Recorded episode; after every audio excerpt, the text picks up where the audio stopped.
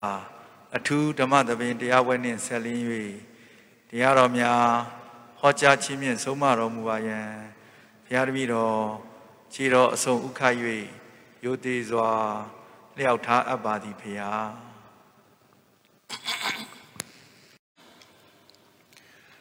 1384ခုနှစ်တခုလာပြီကျော်12ရက်2023ခုနှစ်ဧပြီလ16ရက်တရင်နေ တချာတဲ့နေ့နေတဲ့ဒေသကြီးပြုံးရင်ခရိုင်ပြုံးရင်မြို့နယ်အောင်ချမ်းသာရွာဓမ္မတာယသာသနာစင်တာကျောင်းတိုင်ဓမ္မရတိမဟာဓမ္မတပ္ပဓမ္မယုံကျောင်းတော်ကြီးတွင်ဆင်ကျမပြုလို့အပ်သည်ညမနှစ်တကူတကြံတွင်ကာလအထုဓမ္မသဘင်ခန္ဓာ၌ဟောကြားအပ်သောတွေ့တာမှု ကင်းပြီးလွမြောက်ခြင်းအပိုင်းနှင့်အကြောင်းတရားဒေသနာတော်တဏသင်္ခယဝိမု ക്ത မြတ်စွာဘုရားဟောကြားတဲ့ဒေသနာကိုအခြေခံပြီးတော့ဝိပဿနာတရားလုံနေဝိသုဒ္ဓိမဲ့တို့ထို့တို့ကျမ်းနေမှာကြည်ထားတာတိကျလေးရှိတယ်ပေါ့နော် အဲ့တော့ဝိပဿနာကျင့်စဉ်စတဲ့ပြီးတော့ကျင့်မယ်ဆိုလို့ရှိရင်မတရားပြောခဲ့တဲ့အတိုင်းနံပါတ်1ကဝိပဿနာဖူမိတော့ဘုပညာဖူမိလို့ခေါ်တဲ့အတိုင်းဝိပဿနာဉာဏ်ကိုတိဆောက်မဲ့နေရာ ရှိဥစွာရွေးချယ်ဝိပဿနာဆိုတဲ့ဉာဏ်ဟာဘယ်ပေါ်မှာတိဆောက်မလဲအစာအုပ်တစ်ခုဆောက်မယ်ဆိုရင်ဆောက်မဲ့နေရာတစ်ခုရွေးရတယ်ရွေးပြီးတော့မှအစာအုပ်အုတ်မြစ်ဖောင်ဒေးရှင်းချပြီးတော့မှအစာအုပ်ဆောက်တယ်အဲ့တိုင်းပဲတူတူပဲထားလိုက် ground for vipassana ground for vipassana wisdom inside လို့လည်းပြန်ကြတယ်ဒါပါပဲပြောပြောမြတ်စွာဘုရားဟောတဲ့စကလုံးနဲ့တော့ရဝိပဿနာဝိပဿနာဆိုတာပညာရဲ့နာမည်ဖြစ်တယ်ဆိုတာမှတ်တာဝိပဿနာထူးခြားတဲ့အမြင်အဲ့ဒါပညာပဲသမမြင်ဦးမြင်စေမြင်တာမဟုတ်ဘူးထူးခြားတဲ့အမြင် အဲ့ဒီအမြင်တစ်ခုရဖို့အတွက်တိုက်ရိုက်လုပ်လို့မရဘူးဘယ်ကိစ္စပဲဖြစ်ဖြစ်ထမင်းစားမယ်ဆိုရင်တော့ကျွတ်တင်ချက်ရပြုတ်ရပြင်ဆင်ရတယ်နဲ့တော့မဟုတ်လေလို့ရတယ်အဲ့တော့ဝိပဿနာလုပ်လုပ်မယ်ဆိုလို့ရှိရင်ねကျွတ်တင်ပြင်ဆင်ရတဲ့လို့ဘာလို့အောင်လဲ ground for vipassana ဝိပဿနာတိဆောက်မဲ့ ဌာနကိုရှာမယ်ကိုလှုပ်တဲ့ဝိပဿနာဉာဏ်အဖေပေါ်မှာတိဆောက်မှာပဲအချင်းချုပ်ပြောရင်တော့ဒုက္ခသစ္စာပေါ်မှာတိဆောက်ဒါလေးတော့မှတ်ထားနော်ဘယ်ပေါ်မှာဝိပဿနာဉာဏ်တိဆောက်ရမလဲဆိုရင်ဒုက္ခသစ္စာအဲ့ဒီဒုက္ခသစ္စာကိုထပ်ချက်ပြီးတော့ပြောမယ်ဆိုရင်ယုတ်နဲ့နာ ယုတ်နဲ့နှစ်ခုပေါ်မှာတိဆောက်အဲ့တော့ဒုက္ခသစ္စာဆိုတာလေရှုံနံကိုပဲခေါ်တာပဲရှုံနံကိုဒုက္ခသစ္စာတစ်ခေါ်နဲ့လည်းပြောဒုက္ခသစ္စာသစ္စာလေးပါနဲ့ဆိုရင်ဒုက္ခသစ္စာပေါ့အဲ့တော့ဝိပဿနာရှုတယ်ဆိုဒုက္ခသစ္စာပေါ့အဲ့တော့ဒုက္ခသစ္စာကိုနားလည်အောင်ခြားခြားနာနာသိမှတ်သားဖို့လိုအပ်တယ်ဒုက္ခသစ္စာဆိုတာလေ ဘယ်တရားတွေကိုခေါ်တာလဲကိုယ်ခန္ဓာကိုယ်မှာမတွေ့ခင်ပထမတုဒ္ဓမယညာလို့ခေါ်တယ်သင်ယူထားတဲ့ပုံမှာဖြစ်တဲ့ညာကတုဒ္ဓမယညာလို့ခေါ်တယ်ဒါလည်းညာပဲအဲ့ဒီတုဒ္ဓမယညာပေါ်မှာခြေခံပြီးတော့မှဘာဝနာမယတုတ်တဲ့အောင်လေ့ကျင့်အောင်ဖြစ်တုဒ္ဓမယနဲ့ခင်းပြီးတော့ဖြစ်တဲ့ညာဆိုတာရှိမှမရှိဘူးတာဝကမှန်တယ်ဗျရှင်သာရိပုတ္တရာတို့ကစာ အားလုံးဟာတုဒ္ဓမယဉာဏ်ပေါ်မှာအခြေခံရတယ်ကြားဘူးရမယ်သိယူရမယ်ဘလောက်ပညာထက်ထက်မကြားဘူးမသိယူရတဲ့ဘလောက်လို့ရအောင်ဒါမို့ဝိပဿနာကိစ္စနဲ့ပတ်သက်လာလို့ရှိရင်ဉာဏ်သုံးမျိုးကိုတို့ချုံမှတ်သားဖို့လိုတယ်တုဒ္ဓမယဉာဏ်ဆိုတာဈာနာပြီးတော့သိတဲ့အသည့်ပေါ်မှာအခြေခံတဲ့ ဉာဏ်ကိုနာယုမှတ်သားတဲ့ပုံမှာအခြေခံတဲ့ဉာဏ်ကိုတုဒ္ဓမယဉာဏ်လို့ခေါ်တယ်စိတ်ဓမယဉာဏ်ဆိုတာကြတော့တုဒ္ဓမပါပဲနဲ့ကိုယ်ပိုင်အတွေးကိုယ်ကိုယ်တိုင်ထိုးရသိပြီးတော့ဖြစ်တဲ့ညာကိုစိတ်ဓာမယညာတရားဓမ္မနဲ့ပတ်သက်ပြီးစိတ်ဓာမယညာဖြစ်နိုင်တာကပစ္စေကဗုဒ္ဓနဲ့ ဖရာအလောင်းပဲဖြစ်နိုင်တယ်ကျန်တဲ့ပုဂ္ဂိုလ်တွေဖြစ်နိုင်ဒီပြလောကုတ္တရာတရားနဲ့ပတ်စိတ်ဓာသမပုဂ္ဂိုလ်တွေမှာဖြစ်ဘူးလို့မှတ်ရဒါကြောင့်မို့စိတ်ဓာမယကိုပြောတဲ့အခါမှာဖြတ်ပြီးတော့မပြောရအောင်ဒီနေရာမှာစာပေကျမ်းကမှာစိတ်ဓာမယကစတယ်တခါတလေကျတော့တုဒ္ဓမယညာစိတ်ဓာမယညာဘာဝဒမယညာလို့ဒီလိုစင်တာလည်းရှိတယ် စိတ်ဓာမယကစပြီးစိတ်ဓာမယတုဒ္ဓမယဘာဝဒမယလို့စင်တာလည်းရှိတယ်အဲ့ဒီမှာဘာဝနာမယညာကိုသွားဖို့ရအတွက်ဝိပဿနာတရားနဲ့ပတ်သက်လာလို့ရှိရင်ပိစိကဗုဒ္ဓအလောင်းနဲ့သဗ္ဗညုဖျားအလောင်းတို့ကလွင်ကျန်တဲ့ပုဂ္ဂိုလ်တွေကဤစနစ်ကိုနိုင်မှတ်သားပြီးမှလုံနိုင်တာဖြစ်တယ် ရှင်သာရိပုတ္တရာလို့ဉာဏ်ထက်တဲ့ပုဂ္ဂိုလ်အတော်မှာပဲဒီတရားကိုရှုစွာသင်ရတယ်သင်ပြီးမှသူသိတော့သူကသူမလုံနိုင်အဲ့တော့မှတ်ရမှာသုဒ္ဓမယဉာဏ်ဆိုတာကြားတဲ့အချက်လက်ပေါ်မှာဖြစ်တဲ့ဉာဏ်အာယုမှတ်သားပြီးတော့ဖြစ်တဲ့ဉာဏ်စိတ်နာမယဉာဏ်ဆိုတာနာယူခြင်းမပါပဲအဲ့လေးထည့်ပြောမယ်နော် ဈာနာမတမှုမပါပဲသူများစီကတဆင်ကြားတာမပါပဲကိုယ်ပဲ့အတွေးခေါ်တဲ့တိထညာစိတ်ဓာတ်များစာပေမှာသိချရေးထားတာပရတောအတုတဝါဘဒုထမမကြဘူးပဲတပည့်စัจ जा တရားတွေမှာပါတယ်ပုပ္ပေအနန္တုတုတေတုဓမ္မေတုသက္ခုံဥဒ္ဒပါတိရခင်ကဘုသူစီကမှမချဘူးတာ ဒါကြောင့်မြတ်စွာဘုရားသမ္မာသမ္ဗုဒ္ဓသူများစီကသင်ထားပြီးတော့သူများလှုပ်တာကိုကြည်လှုပ်တာဒီစနစ်တွေအတူယူပြီးလှုပ်တာတော့ဒါစိတ်ဓာမရမခေါ်ဘူးဒါထဲသူတမရလို့ပဲခေါ်တယ်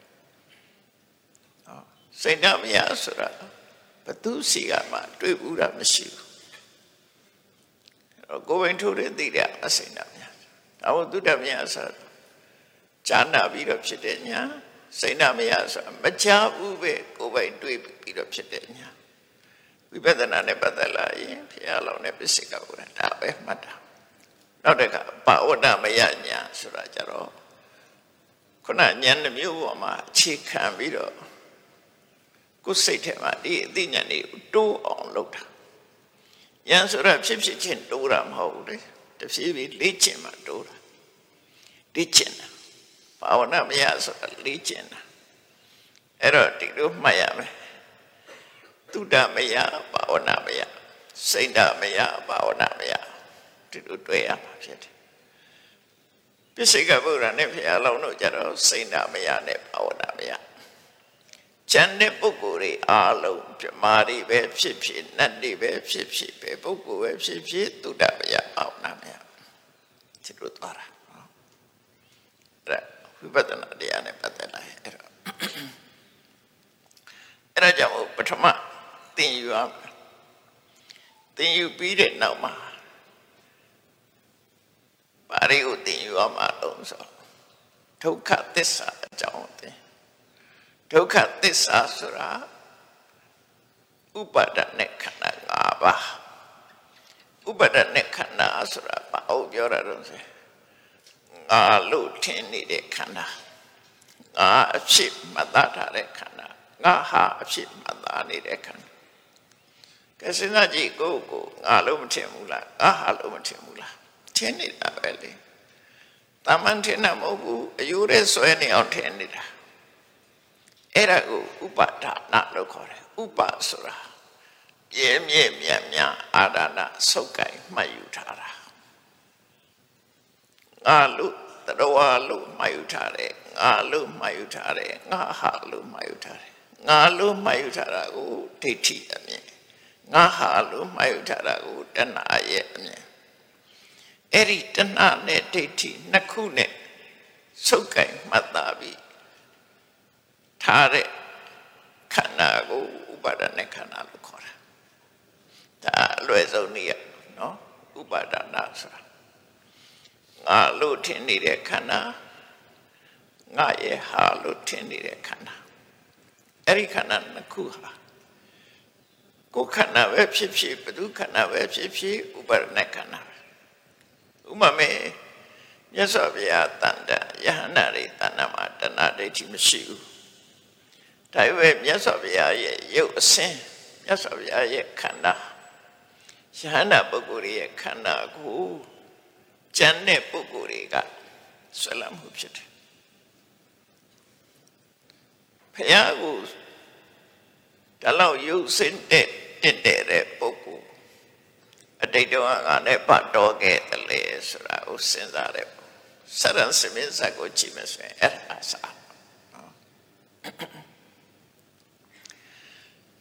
ဝကတိမထေတို့လို့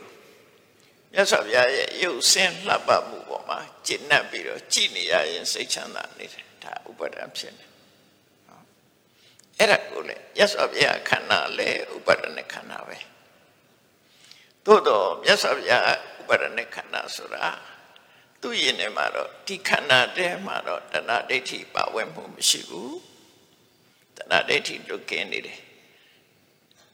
သို့တော့မြတ်စွာဘုရားခန္ဓာသည်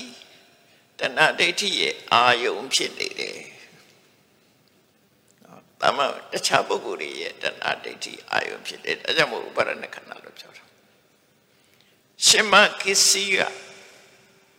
ပုံနာမျိုးပဲ။ရုပ်အစဉ်အမြဲတမ်းလာပါတယ်။အသားရည်ကလည်းပဲဝါဝင်းနေတာ။ဒါကိုရှင်မကိစီကိုမြင်ရတဲ့ပုဂ္ဂိုလ်တိုင်းပုဂ္ဂိုလ်တိုင်းကမျက်စိကြပြတယ် သောရိယတတိယမျက်စိကျသွားတာဇလန်နေကြောက်ကြလိမ့်မယ်အဲ့တော့ရှင်မကိစီကိစ္ဆာနာဆိုတာယာနာပုဂ္ဂိုလ်ပဲသူ့ရဲ့တဏ္ဍမှာတော့တဏှာဒိဋ္ဌိမရှိတော့ဘူးဒါပေမဲ့သူ့ရုပ်သူခန္ဓာကြီးကတဏှာဒိဋ္ဌိရဲ့အာယုံတော့ဖြစ်နေတယ်ဒါကြောင့်မို့ဥပါဒณะခန္ဓာကိုယ်ဝဲပြပြနားလဲဖို့လုပ်တယ်နော်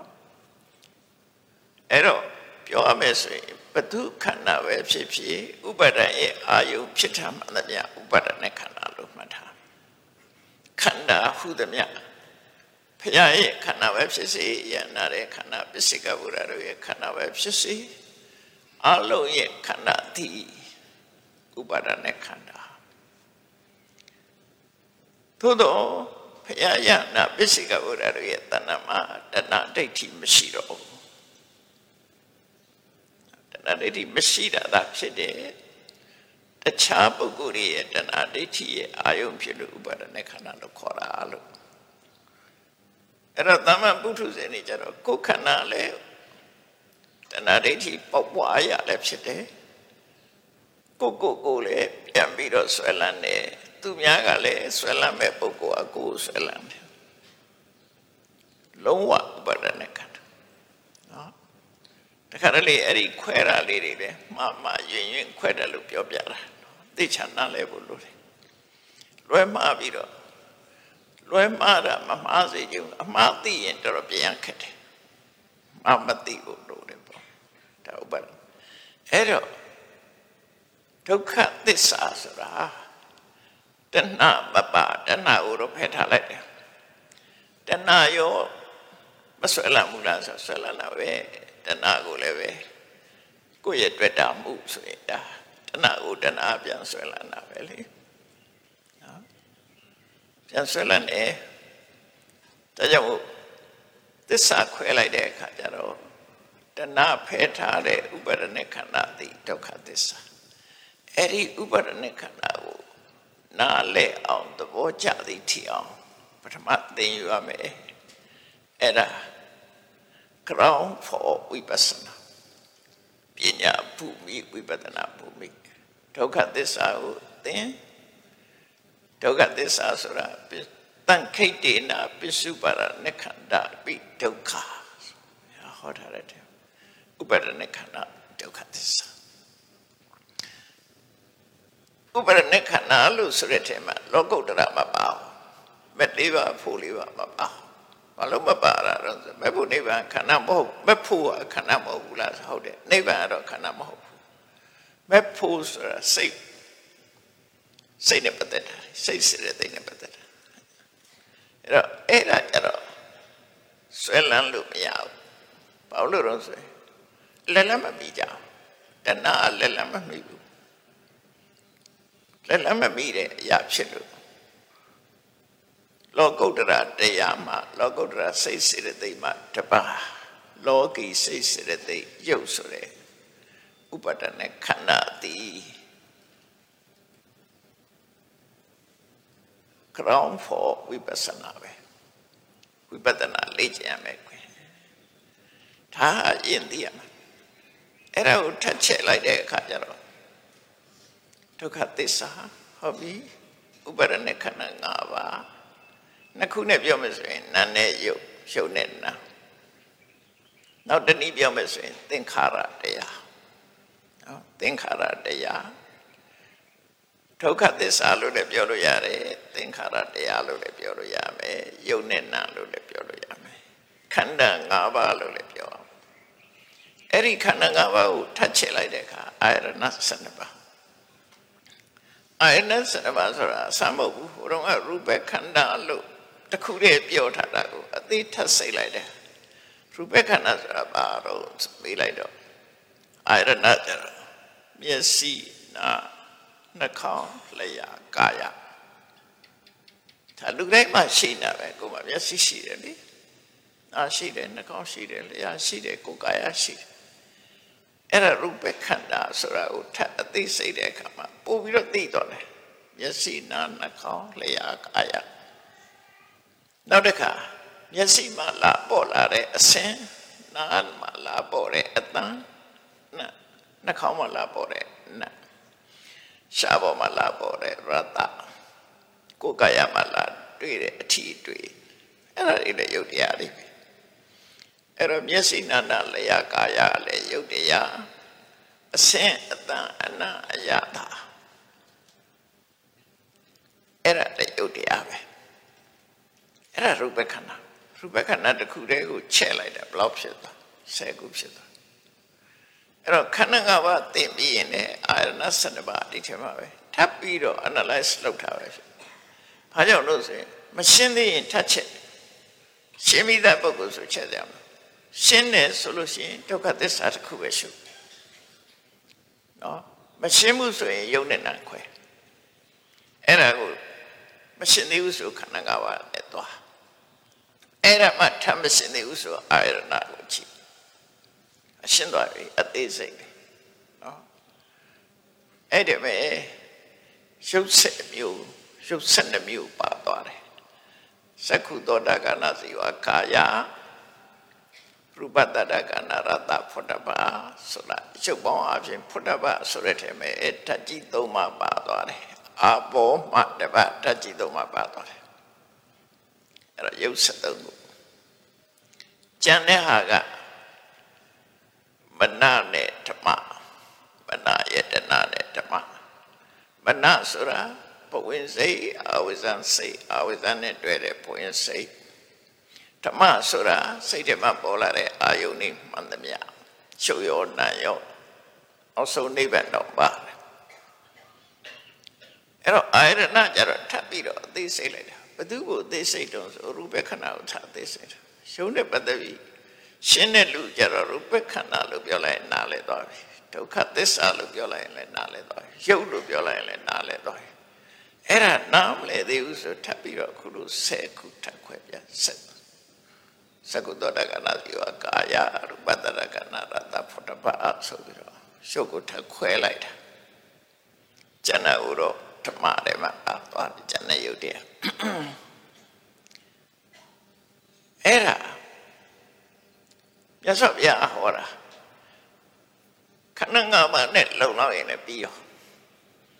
မလုံလောက်တဲ့ပုဂ္ဂိုလ်နားမလဲသေးဘူးဆိုအာရဏ7ပါးနဲ့သွားတူတူပဲမထူးနော်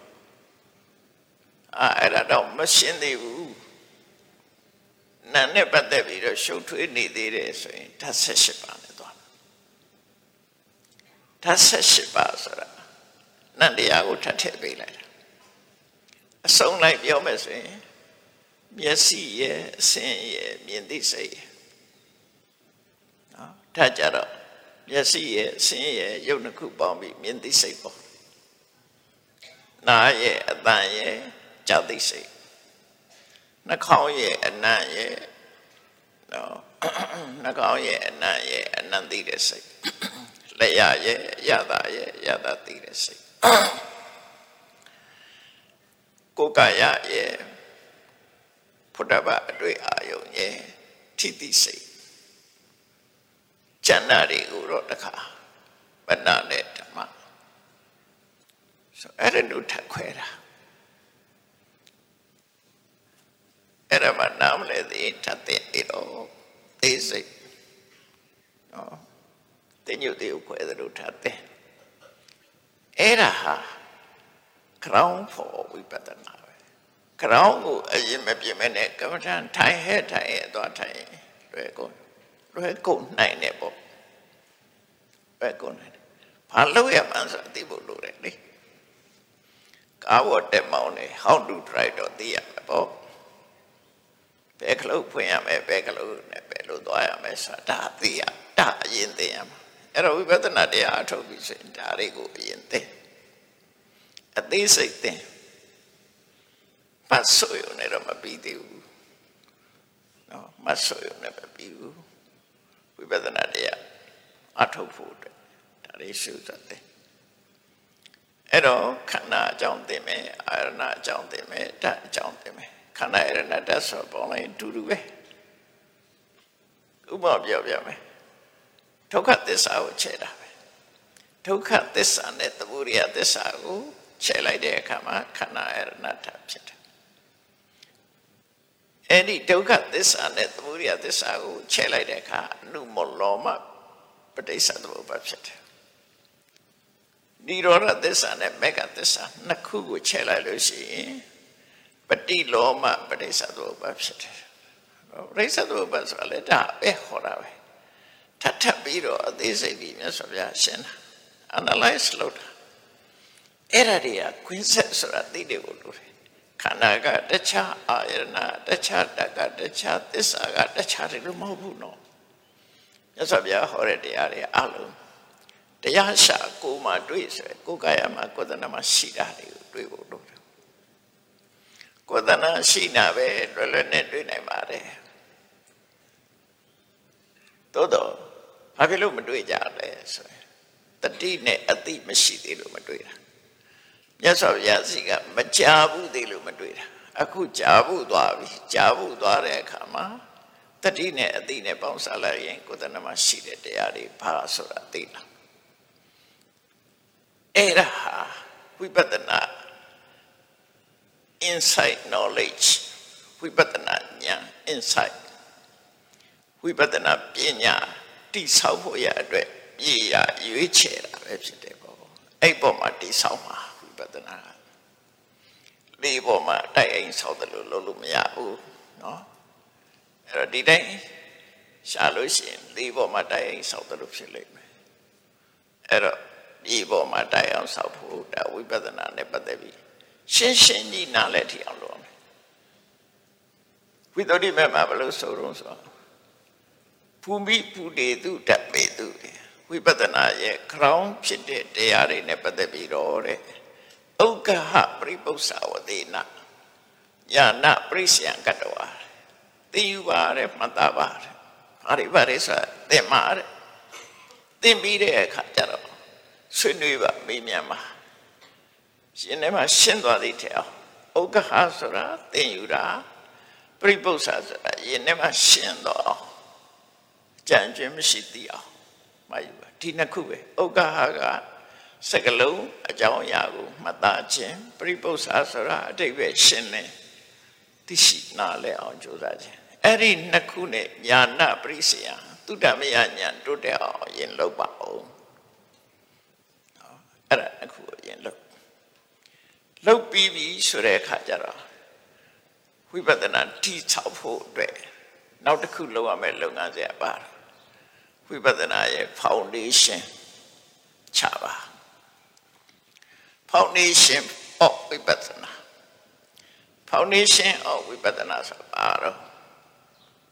တိလစိတ်တတိလဝိတ္တုစိတ်တဝိတ္တုတိလနဲ့တမာတိဒီနှစ်ခုကိုတိဆောက်ပါလို့ဒီလိုပြောတာအဲ့တော့နောက်ကြတော့ဝိသုဒ္ဓိ9ပါးပါနောက်တရက်တော့ကြာပါသေးတယ်နော် ဝိသုဒ္ဓိ9ပါးကိုခွာတော့အချင်းညုတ်နေရှင်ပြသီလဝိသုဒ္ဓိဆိုတာအဲ့ဒါ foundation ချတာလို့မှတ်တာနော် foundation ချတာ foundation မပါပဲနဲ့အဆောက်အဦဆောက်ရင်တော့ခိုင်မှာမဟုတ်ဘူးမခိုင်ဘူးဆိုရင်ရှေ့တက်ပြိုကြမှာပဲအဲကြောင့်မို့ foundation အရင်ချအဲ့မှာသီလဝိသုဒ္ဓိဆိုတာဘာပြောတာတော့ဆိုတကယ် စိတ်အစဉ်ကျဲမှုကိုစွမ်းဆောင်ပေးနိုင်တဲ့လုံးဝစင်ကြဲတဲ့ကိုချင်းသီလကိုဆိုလို့တယ်အဲ့ဒီကိုချင်းသီလကိုသီလလို့ခေါ်တယ်အဲ့ဒီသီလသည်သီလပြည့်ရင်းစေတတ်တဲ့အကုသိုလ်တွေကိုတုတ်သိမ်းရှင်းလင်းပြတာဖြစ်တယ်သီလကိုကျိုးပေါက်စေတတ်တဲ့အကုသိုလ်တွေအဲ့ဒါတွေကိုရှင်းလင်းပြချပလိုက်တယ်အဲ့တော့သီလဝိသုဒ္ဓိကို foundation အနေနဲ့သီလဝိသုဒ္ဓိကိုအရင်ချလိုက်တယ်ချလိုက်တဲ့အတွက်ကြောင့် happiness or innocence ဖြစ်လာတယ်သီလကိုခြေပြုပြီးတော့သီလကဘာကိုကြိုးပြုတာတော့ဆိုစိတ်ထဲမှာဝမ်းသာကြည်နူးမှုဝမ်းသာကြည်နူးမှုကဘာကိုဖြစ်စေတော့ဝမ်းမြောက်မှုဝမ်းမြောက်မှုကဘာကိုဖြစ်စေတာတော့ပိတိပိတိကဘာကိုဖြစ်စေတာတော့ကိုယ်စိတ်ငြိမ်းချမ်းမှုကိုယ်စိတ်ငြိမ်းချမ်းမှုကဘာကိုဖြစ်စေတာတော့ဒုက္ခ ဒုက္ခကဘာကိုဖြစ်စေတာတော့သမာဓိကိုဖြစ်စေတယ်ဒုက္ခိနောစိတ်တံသမာဓိရတည်လူတယောက်ဟာချမ်းသာမှုလည်းလို့ဆုံးရှုံးပြီးဒုက္ခရောက်နေတဲ့လူတယောက်ဟာဘယ်လိုလုပ်စိတ်ငြိမ်မှာနော်စိတ်ငြိမ်တယ်ဆိုတာစိတ်ချမ်းသာကိုချမ်းသာဖြစ်နေမှာစိတ်ဒါမို့ဒုက္ခိနောစိတ်တံသမာဓိရတည်တိလဝိသုဒ္ဓိရှိမှတမာရီရနိုင်တယ်တိလဝိသုဒ္ဓိမရှိမနေ့ကပြောခဲ့သလိုမဟုတ်တာလှုပ်တာတဲ့လူတယောက်သည် တရားထိုင်လိုက်တာနဲ့အဆိုးဆိုးမကောင်းတဲ့ပုံရိပ်တွေအလွှမ်းမိုးပြီးတော့တရားထိုင်လို့ရတော့ရှင်အင်္ဂုလိမာကလာခဲ့သူကိုလုတ်ခဲ့တဲ့ပုံရိပ်တွေလာမှာပဲမရဘူးဘယ်သူမှမသိဘူးပဲကိုသိနေတယ်လေလောကမှာသူများကသာဖုံးကွယ်လို့ရတာကိုယ့်ကိုယ်ကိုဖုံးကွယ်လို့မရဘူးကိုယ့်အပြစ်ကိုဖုံးတာကအကုသိုလ်တစ်မျိုးပဲမာယာလို့ခေါ်တယ်လူတွေမှာ မာယာရှိတတ်တယ်ဘယ်သူမှဆိုရှိတယ်ဘုန်းကြီးလည်းရှိမှာမာယာရှိတာပဲကိုလှုပ်ထတဲ့အပြစ်တစ်ခုကိုသူများမသိစေချင်တာဖုံးကွယ်ဖို့ကြိုးစားတာမာယာပဲအဲ့ဒီမာယာကိုဖယ်ရမှာရိုးသားဖြောက်မှတ်တဲ့ဆိုအဲ့ဒီမာယာမရှိပါအာထေယဆိုတာကြတော့ကိုမရှိတဲ့ကုံနဲ့အရှိလို့တာမသိဘဲနဲ့သိကြအောင်ဆောင်နားမလဲပဲနဲ့နားလဲကြအောင်ဆောင်အာထေယ အဲ့ဒီမာယာနဲ့တာထေယရှိတဲ့အပြစ်ကိုဖုံးကွယ်ဖို့ကြိုးစားတယ်မသိဘဲနဲ့သိကြအောင်ဆောင်တယ်အဲ့ဒီနှစ်ခုဟာကောက်ချစ်စင်မဲ့မှုရဲ့တယုတ်တကံတွေပဲဖြစ်တယ်အဲ့နှစ်ခုဖယ်ရမယ်အဲ့လိုဆိုလို့လေနော်မာသာထေယခင်းဆက်သွားအဲ့ဒီကြရမှာသီလဝိတ္တုအပြည့်ဝရပြီထိုသီလဝိတ္တုသည်ဘာအတွက်လဲဆို သီလဝိတ္တု for စိတ်တဝိတ္တု morality က for concentration ပေါ့ဆိုလိုတာက morality ဆိုတဲ့ကိုကျင့်တရားဟာဘာအတွက်တိဆောက်တာတော့ဘာအတွက်လုပ်ရတာတော့ဆိုတမာတိအတွက်လုပ်တာအဲ့ဒါကိုမလုပ်ဖဲနဲ့သီလကိုဖြူစင်အောင်မလုပ်ဖဲနဲ့တမာရီစခန်းတက်လို့ရှိရင်ခုနလိုပဲပုံရိပ်တွေကြားထဲမှာကြာရှုံးသွားမှာပဲဖြစ်တယ် ကိုယ်စိတ်တွေကတည်ငြိမ်ဖို့ရဖို့လိုရဘူးပေါ့ကြာရှုံးသွားနိုင်တယ်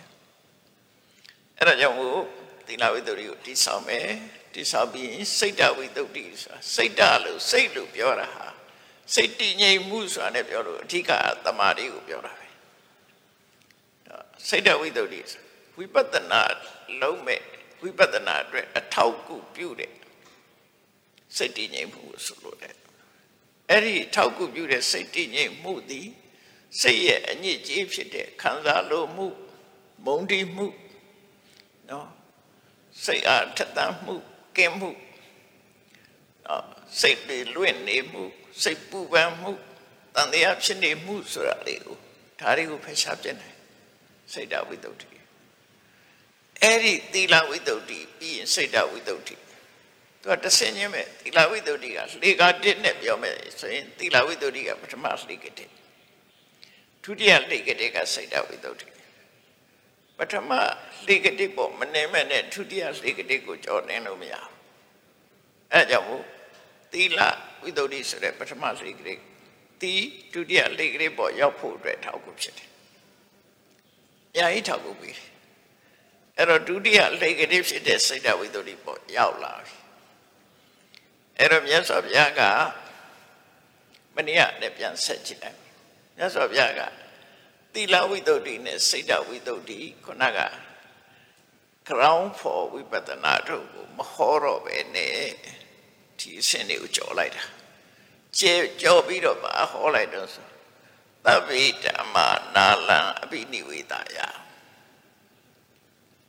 အဲ့ဒါဒိဋ္ဌိဝိတ္တုအတွက်လမ်းခင်းပေးတာနော် ရှစ်တက်မဲ့ဝိတ္တုအတွက်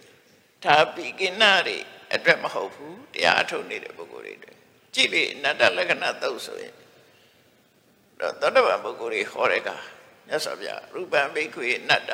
ရူပင်္စဟိတံဘိက္ခွေအတ္တအဝိဒနာဟိတရူပံအဘာရယတံဥတ္တယဆိုဒုက္ခလက္ခဏာရှုထောင့်ကအနတ္တကိုပေါ်အောင်သောတာပန်ဖြစ်ပြီးသားပစ္စဝကိတွေကိုဟောတာလေ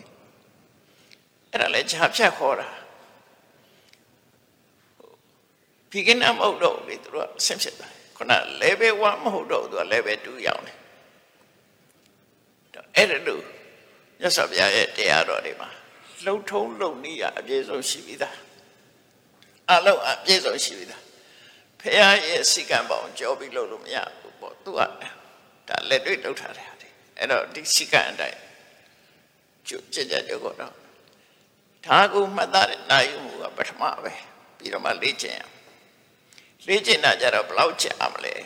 ပြောလို့မရဘူးအဲ့ကိုယ့်ရဲ့ရည်ချင်းနဲ့ဆိုင်တယ်နော်ကိုယ့်ရဲ့လုတ်လုတ်ကင်မှုနဲ့လည်းဆိုင်တယ်ကြိုးစားမှုနဲ့လည်းဆိုင်တယ်အရည်ချင်းနဲ့လည်းဆိုင်တယ်အဲ့ဒါတွေကြတယောက်နဲ့တယောက်မတူတော့ဘူးသို့တော့လမ်းစဉ်လှုပ်ထုံးကတော့ဒီတိုင်းပဲသွားတာဒီတိုင်းပဲသွားဟုတ်ပြီတပိဓမ္မနာလအပိနိဝေဒယဒါလေးကိုသင်ထားပြီးတော့ တပိဓမ္မဆိုတာခုနပြောတဲ့ဒုက္ခသစ္စာပဲဖြစ်ဖြစ်ရှုပ်တည်နံနေပဲဖြစ်ဖြစ်နော်ခန္ဓာအာဘပဲဖြစ်ဖြစ်အာရဏ7ပါးပဲဖြစ်ဖြစ်ဓာတ်78ပါးပဲဖြစ်ဖြစ်အဲ့ဒီတရားအလုံးသည်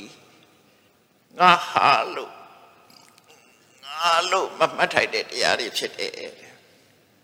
ဘယ်တော့မှငါလို့မတွေးနဲ့ဘယ်တော့မှငါဟာလို့မတွေးနဲ့ဒါ ခေါင်းထဲမှာဒါကိုမှတ်ထားဖို့ဒါကသဝနပฏิဝေဒလို့ခေါ်တယ်ဈာနာပြီးဩငါမဟုတ်တဲ့ဟာတွေကဒါတွေပါလားခန္ဓာ၅ပါးတွေကငါလည်းမဟုတ်ဘူးငါလည်းမဟုတ်ဘူးတရဝလည်းမဟုတ်ဘူးဓမ္မတတ္တဖြစ်တယ်ဆိုတာသဗ္ဗေဓမ္မနာလံပိနိဝေဒယအဲ့ဒီ message ကိုဘုရားကဝိပဿနာအတွက်လမ်းခင်ပေးတာဝိပဿနာလုပ်ရင်အဲ့ဒီကစာလုပ်ရမယ်လို့သူတို့ပြောတာနော် အဲ့ဒါအရေးကြီးတယ်ပေါ့နော်ဝိပဿနာလုပ်ဆိုတာကြော်လို့မရတဲ့ဟာပေါ့အဲ့ဒါလုပ်ပြီးတော့အဲ့တော့မြတ်စွာဘုရားသဝိဓမ္မနာလပိနိဝေဒယဆိုတာဘာကိုပေးချင်တာတော့ဆိုအမြင်တစ်ခုပေးချင်တာမှန်ကန်တဲ့အမြင်တစ်ခုပေးချင်တာအဲ့ဒီမှန်ကန်တဲ့အမြင်ကိုဒိဋ္ဌိဝိတ္တုလို့ခေါ်တယ်အဲ့ဒါဘာလို့ဆိုရင် ဝဝိပဿနာတရိရဝိပဿနာ building ပဲခုနတော့က ground for ဝိပဿနာနော် foundation of ဝိပဿနာအခုကဝိပဿနာ building ရောက်ပြီမြတ်စွာဘုရားဝိပဿနာအဆောက်အအုံကြီးကိုစတင်ဆောက်ပြတာသဗ္ဗေဓမ္မနာလံပိနိဝေတယအစပြီးတော့ဆောက်ပြလိုက်တာခုပြောတဲ့ဒုက္ခသစ္စာ သို့မဟုတ်ယုံနဲ့နာသို့မဟုတ်ခန္ဓာ၅ပါးအနာ7ပါး18ပါးဆိုတဲ့ဒီတရားတွေဟာငါလို့လေမတ်ထားဖို့မသိဘူးငါဟာလို့လေမတ်ထားဖို့မသိဘူးဘာဖြစ်လို့လဲဆိုရင်မှတ်ထားတဲ့အတိုင်းတစ်ခုမှမဖြစ်ဘူးကိုထင်တာတစ်ခုမှမဖြစ်ဘူးဒါကြောင့်မို့ဒီတရားတွေဟာဟိုမမှတ်ထိုက်တဲ့တရားတွေဖြစ်တယ်လို့ဒါအချင်းချုပ်ရသော်ဗျာဒါဝိပဿနာဟောင်းနေရှင်အနေနဲ့ရှေးဥစွာ သင်မို့ရပြောပြတာနော်သင်မို့ရပြောပြတာအဲ့တော့ဒီနေရာမှာဝိပဿနာဒိဋ္ဌိဝိသုဒ္ဓိဆိုတာလေးကစာအဲ့တော့ဒိဋ္ဌိဝိသုဒ္ဓိဆိုတာဘာကိုပြောတာဒိဋ္ဌိကတစ်ခုဝိသုဒ္ဓိကတစ်ခုဒိဋ္ဌိဆိုတဲ့အာကဒီနေရာမှာမိစ္ဆာဒိဋ္ဌိကိုပြောတာမဟုတ်ဘူးတမ္မာဒိဋ္ဌိကဒိဋ္ဌိနဲ့တူတယ်အမြင်လို့ပြောတာမင်းမှန်ကန်တဲ့အမြင်ရှိဖို့လို တယ်ဆိုပါစို့ရှုံးတဲ့နံကိုငါလို့မြင်နေမင်းမှားနေပြီရှုံးတဲ့နံကိုတရဝလို့မြင်နေမင်းမှားနေပြီနော်ရှုံးရုပ်နဲ့နံကိုတရဝလို့မြင်နေမှားနေပြီရှုံးတဲ့နံသည်ငါလည်းမဟုတ်ဘူးငါလည်းမဟုတ်ဘူးတရဝလည်းမဟုတ်ဘူးတရဝတရားတသက်တာဖြစ်တယ်တပင်ရှာမရတယ်လို့ပဲရှုံးတာလွယ်တခြားရှာမရဘူးငါဆိုတာစစ်ဆေးကြည့်လိုက်မရှိတော့ မရှိတာတွေမရှိတာတွေကိုခေါ်နေကြတာလောကလူတွေကတပင်ဆိုတာလည်းမရှိတာခေါ်တာကားဆိုတာလည်းမရှိတာခေါ်တာပေါင်းဆက်တာမှကားလေးတခုစီစိတ်လိုက်ရင်ကာမမရှိတော့လူဆိုတာလည်းတူတူပဲဒါယုတ်ဒါနာဒါရူပခန္ဓာဝိရဏခန္ဓာတင်ညခန္ဓာဒါမျက်စိနာနာလျာကာယဒါအစင်တအနာယဒါအရဏစေတပါးနဲ့ခွဲခြားလိုက်ရင်လေဘသူ့ကိုငါပြောမှာလဲတခုပြောရင်ဂျန်တဲ့ဟာကန့်ကွက်မှာပေါ့ သူကငါမဟုတ်ဘူးလေအလုံးပေါင်းထားတာတွေပဲပေါင်းဆက်လိုက်လို့ခေါ်တာပဲဖြစ်တယ်အဲ့ဒါကို message အနေနဲ့ပထမပေးတာဒိဋ္ဌိဆိုတာနာမရူပနာယာထာဝထသနာဒိဋ္ဌိဝိသုဒ္ဓိနာမနာနဲ့ရုပ်ကိုအရှိတိုင်းသိတာတကယ်အရှိတိုင်းသိတာ absolute truth ရှိတယ် ရှိတိုင်းဆိုတာနာကိုနာအတိုင်းပဲရုပ်ကိုရုပ်တိုင်းပဲသူ့တဘာဝလက္ခဏာရှုတော့ကသိတာ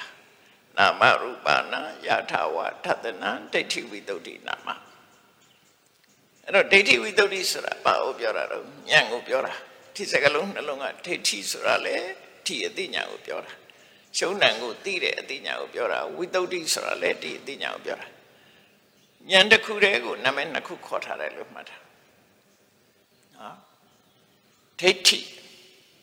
ဒိဋ္ဌိဆိုတာအမြင်ပါမြင်တာတော့ဆိုရင်ရှုံးတဲ့နန္တာအရှိတရားလို့ခဏမှာဒုက္ခသစ္စာသာအရှိတရားရှုံးတဲ့နန္တာအရှိတရားခန္ဓာ၅ပါးသာအရှိတရားခန္ဓာ၅ပါးလွဲပြီးတခြားငါဆိုတာမရှိဘူးငါဆိုတာမရှိဘူးလို့သိတဲ့အသိဒီဒိဋ္ဌိအဲ့ဒီဒိဋ္ဌိဆိုတဲ့မှန်ကန်တဲ့အမြင်ဉာဏ်သည်နော် မာယွင်းတဲ့တရဝရှိတယ်ဆိုတဲ့အထင်ကိုဖယ်ရှားပြစ်လို့ဝိတုဒ္ဓိ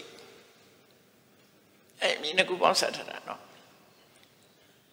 ဒါကြောင့်မို့ဒိဋ္ဌိဝိတ္တုရိဒိဋ္ဌိကတခြားဝိတ္တုရိကတခြားမဟုတ်သို့တော့အင်္ဂလိပ်လိုပြန်တဲ့ဟာတွေကအဲ့ဒီအဓိပ္ပာယ်ကိုမထိဘူး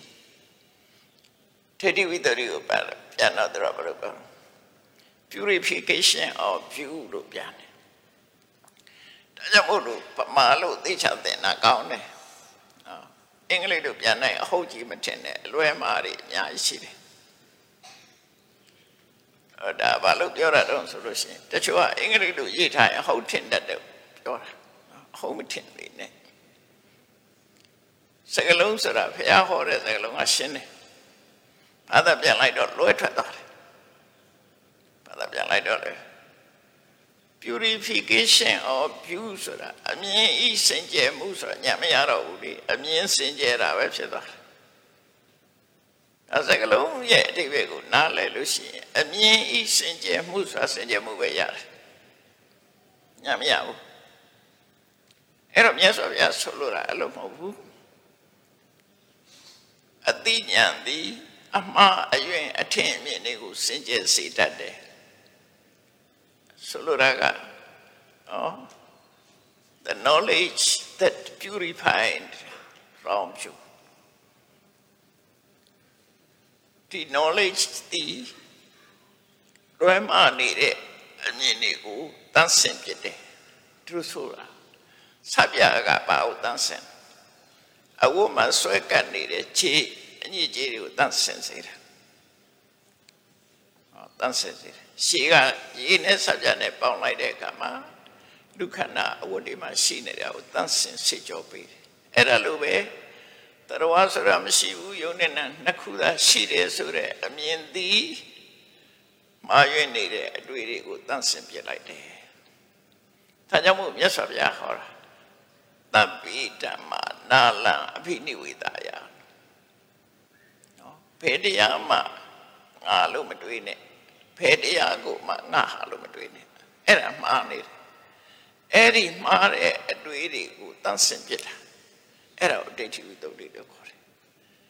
အဲ့ဒါဝိပဿနာရဲ့ပထမအဆုံးစတင်တဲ့အဆောက်အဦပဲဖြစ်တယ်နော်စတင်လိုက်တာပဲဖြစ်တယ်အဲ့ဒီအမြင်ကစရမှာအဲ့ဒီအမြင်ကစရမှာအဲ့တော့စတဲ့အခါမှာဒီ ဝိပဿနာတရားရှုပြီဆိုတဲ့အခါမှာရှုပ်ကစားရှုသလားနာငါစားရှုသလားတဲ့လိုသွားတာတကယ်ရှိနေတာယုံနဲ့နာမယ်ပေါင်းပြီးတော့ရှုမယ်ဆိုရင်ဒုက္ခသစ္စာဆိုတာကိုရှုလို့ရတယ်လေပေါင်းပြီးတော့ရှုမယ်ဆိုရင်ဒုက္ခသစ္စာအဲ့တော့အသေးစိတ်ပြောမယ်ဆိုလို့ရှိရင်ဝိပဿနာရှုဖို့အတွက်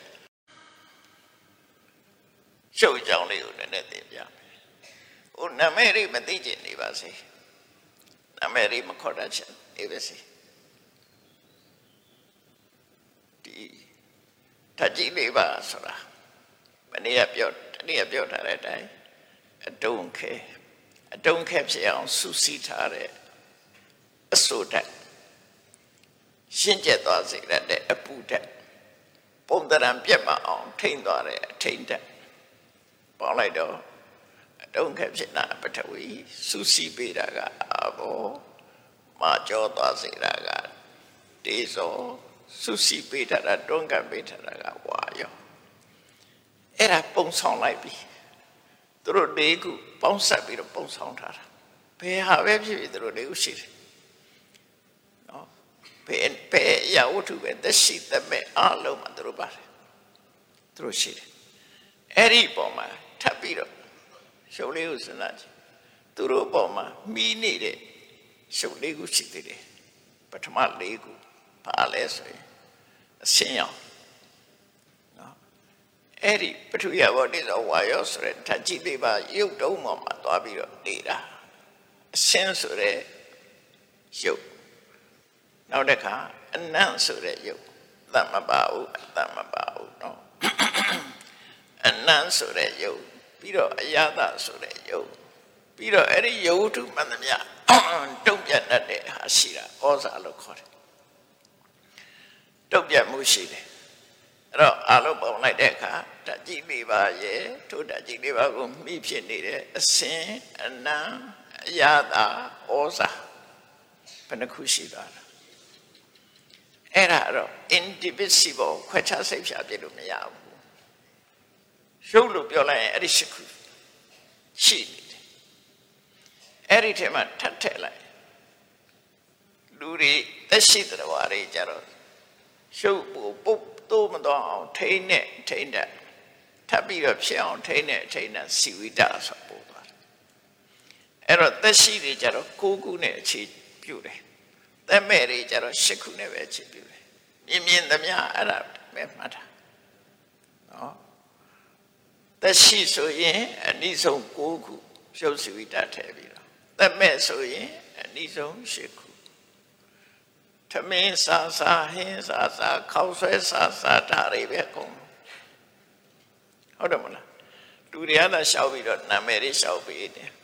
ခောက်ဆွဲလို့နာမည်ပေးခြင်းပေးမုံတီလို့နာမည်ပေးခြင်းပေးထမင်းလို့နာမည်အဲ့ဒါတွေကနာမည်ရှောက်ပေးနေတယ်ပေါင်းလိုက်ရင်ဒီရှစ်ခုပဲဒီရှစ်ခုပဲ အဲ့ဒီရှစ်ခုပဲသက်ရှိကြတော့တစ်ခုတိုးတယ်ကံကြောင့်ဖြစ်လာတဲ့အသက်စီဝိတာဆိုတာလေးထဲတယ်အဲ့ဒါတစ်ခုတိုးလာတယ်ဒါကဟိုအခြေခံသိဖို့ပြောပြတာအဲ့ဒီပဲမျက်စိကြတော့အကြည့်တက်လေးပါလာဗျာအစင်းရောင်ကိုဖမ်းနိုင်တာတစ်ခုနားကြတော့အတန်းကိုဖမ်းယူနိုင်တာတစ်ခု ဒါခုခေတ်လူတွေနားလဲလဲပါတယ်အင်တာနက်ထောင်းတာရင်ရုပ်မြင်သံညာဖမ်းလို့ရတယ်မဟုတ်လားဒီတိုင်းကြီးဝလုံးကြီးတင်ထားလို့တော့မရဘူးပေါ့အဲ့ဒါလိုပဲဒီမျက်စိထဲမှာရုပ်အစင်းကိုဖမ်းနိုင်တဲ့ဟာအတန်ကိုဖမ်းယူနိုင်တဲ့ဟာအနံ့ကိုဖမ်းယူနိုင်တဲ့ဟာအဲ့ဒါလေးတွေကိုပတာရယုတ်လို့ခေါ်တယ်အရာသာကိုဖမ်းယူနိုင်တာအထီတွေ့ကိုဖမ်းယူနိုင်တာအဲ့ဒါပတာရယုတ်၅ခု ခုန၉ခုထဲမှာဒီ၅ခုထပ်ထည့်ဘယ်လောက်ဖြစ်သွား14ခုဖြစ်သွားနော်အဲ့14ခုထဲမှာထပ်ပြီးတော့စိတ်ရတိယနှလုံးသားကိုမြဲတမ်းဒီစိတ်ဖြစ်တဲ့နေရာဆိုတာရှိတယ်အဲ့ဒါဟရိယဝတ္ထုဆိုတာတစ်ခုတည်း15ခုပြီးတဲ့အခါမှာဘာဝယုတ်ထဲ ဘာဝယုတ်ထဲလိုက်တော့ဘယ်လောက်ရှိပါ16ခုဖြစ်သွားတယ်ဘာဝကအမျိုးသားနဲ့အမျိုးသမီးခွဲထားလိုက်ပေါင်းရင်ဘာဝယုတ်ကိုတစ်ခုပဲထားလိုက်အမျိုးသမီးဘာဝအမျိုးသားဘာဝနှစ်ခုထား16ခု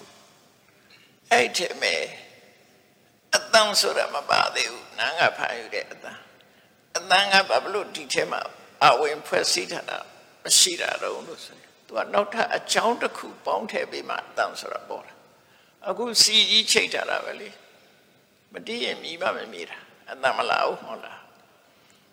သူထဲမှာရှိနေတာတော့မဟုတ်ဘူးသူကနောက်ထပ်အကြောင်းတစ်ခုအကြောင်းတစ်ခုထပ်ပေါင်းမှသူကဖြစ်လာတယ်အဲ့ဒါကြောင့်မို့လို့အတန်ကိုတော့ဒီရုပ်ထဲမှာထည့်ပြီးဖွဲ့စည်းမထားဘူးအကြောင်းပေါ်တဲ့အခါပေါ်ပေါ်လာတယ်ဒါကြောင့်မို့အရှိတယ်တော့ထည့်သွင်းထားတယ်အဲ့တော့တတ္ထဆိုတဲ့ရုပ်ကိုထည့်လိုက် ဥဒုကြောင့်လည်းဖြစ်တယ်စိတ်ကြောင့်လည်းဖြစ်တယ်အဲ့ဒါထည့်လိုက်တော့ဘယ်လောက်ဖြစ်လဲရှုပ်ပေါင်း16ခုအဲ့ဒီရုပ်16ခုသည်ဝိပဿနာရှုရမယ့်ရုပ်တွေပဲအဲ့လောက်ဆိုသိပြီမလားရှုံး28ခုလို့ပြောပြမယ်ဝိပဿနာရှုမှတ်တာပဲအဲ့ဒီပဲမသိနိုင်တာလေးနဲ့ထားဆိုဘာလို့ဆိုဟရယဝတ္ထုယုတ်တို့ကတော့じゃလေးနဲ့သွားတယ်ပဲနမမသိဘူးကျန်တာတွေကခံမှန်လို့ရတယ် ဟုတ်တယ်မလားဓာကြီးလေးပါရဲ့ဆင်းရဲ့အနံ့ရဲ့အရသာရဲ့အထိတွေ့ရဲ့ဩအောင်ရတာရဲ့ဩဇာရဲ့ဒီရှိခုကတော့ indivisible အဲ့ဒီမဲ့စီဝိဒတဲ့သက်ဆောင်အဲ့ဒီမဲ့မျက်စိအကြည့်တဲ့နားကြည့်တဲ့အဲ့ဒါတွေထဲလိုက်အရိယငါးဦးထဲလိုက်အဲ့ဒီမဲ့ဘာဝယုတ်ထဲမဲ့ဟရိယယုတ်ထဲမဲ့တတ္တယုတ်ထဲပေါင်းမယ် အဲ့တော့အတန်လည်းကမ္မထာရှုလို့ရတယ်ဆိုတဲ့ပဲပေါ့နော်အဲ့ဒါကမ္မထာရှုရမယ်ယုတ်တရားအဲ့ဒီယုတ်တရားကိုယုတ်လို့ပဲသိရမယ်သဗ္ဗေဓမ္မနာလအဘိနိဝေတာယငါလို့မတွေးနဲ့ယုတ်တရားတက်တက်တာဖြစ်တယ်ယုတ်တရားကိုယုတ်တရားတက်တက်တာဖြစ်တယ်ဆိုတာသိနေတဲ့အသိကိုညတာပရိညာလို့ခေါ်တယ်ဒီတရားတွေကိုကုန်သိနေရ သင်ထားလို့သိတာသူတမရလေ့ကျင့်ပြီးတော့ကိုယ့်ကိုရှင်းလာတယ်ဟုတ်တယ်ဟုတ်တယ်ကိုယ့်ကိုတွေ့အောင်ရှာကိုယ်ခန္ဓာထဲမှာကိုယ်တွေ့အောင်ရှာအပြည့်နေတော့လိုက်ရှာနေကြတာပဲဖားကန်သွားပြီး၆စိမ့်တောင်ရှာသေးတာပဲကိုယ်တဏ္ဍရှိတဲ့တွေ့အောင်ရှာပေါ့အဲ့ဒါတွေ့အောင်မရှာပဲနဲ့တော့ဝိပဿနာဖြစ်မှာဟုတ်တယ်မလားဒီပြပစ္စည်းတွေတော့ရအောင်ရှာတတ်တယ် ကိုယ်ခန္ဓာကိုယ်မှာရှိတာရအောင်ရှာတွေ့အောင်ရှာဟုတ်လားဒီစာတိုင်းဟုတ်လားရှိလားတွေ့အောင်ရှာအဲ့ဒါကိုတွေ့အောင်ရှာဖို့လိုတယ်အဲ့ဒါပထမအဆင့်ဝိပဿနာဆိုတဲ့ဒီမှန်ကြီးကိုတိဆောက်နေတာဟာဒါစတဲ့ညင်ပဲဖြစ်တယ်အဲ့ဒါကိုဝိသုဒ္ဓိမေမှာညာတရိဒ body of ပညာ body of wisdom လို့ပြောတယ်ဒါလည်း body of ဝိပဿနာသို့မဟုတ်ဝိပဿနာပိတင်ပေါ့ဆောက်ဆောက်တာဘယ်ဟာပဲဖြစ်ဖြစ်အကုန်စနစ်တကျလောက်ရတယ်အဆောက်အဦဆောက်ရင်လည်းစနစ်တကျဆောက်ရတယ်ဝိပဿနာတရားအထောက်ရင်လည်းစနစ်တကျအဲ့ဒီဒိဋ္ဌိဝိသုဒ္ဓိရအောင်ရင်ကြိုးစားပါတဲ့အဲ့တော့ယုံနဲ့ပတ်သက်ပြီးတွေးပြီးပြီဟုတ်လား ကိုယ်တဏ္ဍမှာတွေးပြီလားကံကြည့်လို့သိနိုင်တာရှိတယ်စိတ်နဲ့ပါသိရတာရှိတယ်ယုတ်ကမျက်စိနဲ့သိရတာရှိတယ်နားနဲ့သိရတာရှိတယ်နှာခေါင်းနဲ့မှသိရတာရှိတယ်လျှာနဲ့မှသိရတာရှိတယ်ခန္ဓာကိုယ်နဲ့ထိပြီးသိရတာရှိတယ်စိတ်နဲ့သာသိရတာကဲစဉ်းစားကြည့်လေ အစင်အာယုဆိုတာမျက်စိမပါတဲ့လူတွေကိုနားလည်အောင်ပြောမှာဝိကရေကကန်းနေတဲ့လူဟာဒါအဝါရောင်ဆိုလို့သူဘယ်လိုတွေးမလဲနီရောင်လို့ပြောရင်လည်းသူတွေးတတ်မလားကာလပလိုင်းဖြစ်နေရင်သူမတွေးတတ်ဖို့မရှိဘူးဒါအဖြူဒါအနိဒါကာလဖူနဲ့ပြောလို့ပဲရမယ်အဲ့တော့မျက်စိနဲ့မှသိနိုင်တဲ့အာရုပ်တစ်ခုအကျဉ်းချုပ်မှတ်ချင်လို့ရှိရင် ဟုတ်လားမျက်စိနဲ့မှသိလို့ရတယ်ချားနဲ့သိလို့မရမျက်စိဆိုဒီမှာမျက်စိပါပြီးတော့မျက်စိနဲ့ဆက်ဆက်နေတဲ့စိတ်နဲ့မှသိလို့ရတယ်ပေါ့ပြောမယ်ဆိုရင်စက္ခုဝိညာဉ်ရလို့စာပေမှာသုံးတယ်မျက်စိနဲ့သိတယ်ဆိုတာမျက်စိမှာဖြစ်တဲ့စိတ်နဲ့သိရတယ်လို့အဓိပ္ပာယ်မှတ်တာနော်နာနဲ့သိရတယ်ဆိုတာနာမှာဖြစ်တဲ့စိတ်နဲ့မှသိနိုင်တယ်နာမပါရင်ဒီစိတ်ကိုမဖြစ်ဘူးမျက်စိကန်းနေစက္ခုဝိညာဉ်စိတ်ဖြစ်ဘူးလေ နာကန်းနေလည်းသောတာဝိညာဉ်စိတ်ဖြစ်ဘူးတော့ကိုယ်ပြဖြစ်လို့နှာခေါင်းအနာမရဘူးဆိုကဏ္ဍဝိညာဉ်စိတ်ဖြစ်လာလက်တွေ့ပဲအဲ့လိုဒီအနတ်ပြောက်တယ်အနတ်ပြောက်တယ်အနတ်ပြောက်တာမဟုတ်နှာခေါင်းပြောက်တယ်နှာခေါင်းကအနံ့ကိုဖမ်းနိုင်ဆိုတာမရှိတော့တာအနံ့ကတော့မပြောက်ဘူးအစားလည်းရှိတယ်နှာခေါင်းကမဖမ်းနိုင်တော့တာပဲအဲ့ဒါပဲဟုတ်တော့မလားနှာခေါင်းရဲ့အကြီးချင်းကြာဆင်းသွားတာ နောက်အရသာမသိဘူးဆိုရင်အရသာလျှာနဲ့မှသိနိုင်တယ်အဲ့တော့မျက်စိနဲ့မှသိနိုင်တာကအစင်နော်နားနဲ့မှသိနိုင်တာကအတန်နှာခေါင်းနဲ့မှသိနိုင်တာကအနံလျှာနဲ့ပတ်သက်ပြီးမှသိနိုင်တာကအရာသာပထဝီတေဇောဝါယောကြတော့ကိုယ်ကာယနဲ့မှသိနိုင်တာအဲ့တော့သိတယ်ဆိုလဲတခါတည်းတစ်ပြိုင်နဲ့သိတာတော့မဟုတ်ဘူးမဟုတ်လေဒီစဉ်းစားကြည့်ပေါ့တ ခါတည်းသိတာမဟုတ်ဘူးဆိုတော့ရှေးချိုးတော့မလို့ရှေးကိုလည်းနဲ့စမ်းကြည့်တဲ့အခါဘာစမ်းတာတော့သူကရှေးကပြော့သလားပါသလားစမ်းတာလားပူလားအိတ်လားစမ်းတာအဲ့ဒါတိဇောပဲစမ်းတာထမင်းချက်တဲ့အခါထမင်းစီလေးနှိပ်ကြည့်တာဘာစမ်းတာတော့ပြော့လားမလားစမ်းတာ အကိုစမ်းရပဲကိုယ့်ရဲ့စိတ်ထဲက addition ရှိရပဲသိမယ်တစ်ခုပဲသိလို့ရတယ်နှစ်ခုလုံးသိလို့မရဘူးတစ်ခုစီပဲသိလို့ရမယ်သူ့ moment လေးတွေနော်အခိုက်တန့်လေးတွေနဲ့သွားတာနော်ထိတွေ့မှု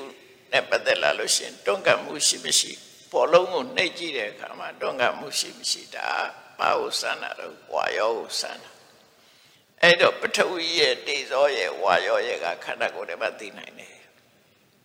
ဟုတ်တယ်မလားတခြားနည်းမရှိဘူး leprosy လက်ပါဖြစ်လက်ပါဖြစ်နေတဲ့ leprosy ဖြစ်နေတဲ့ပုဂ္ဂိုလ်တယောက်ဟာသူ့ဘာခန္ဓာမှာ sensation ပြောင်းနေပြီလေတပါးဆန္ဒသူသိတော့အဆန္ဒသူသိတော့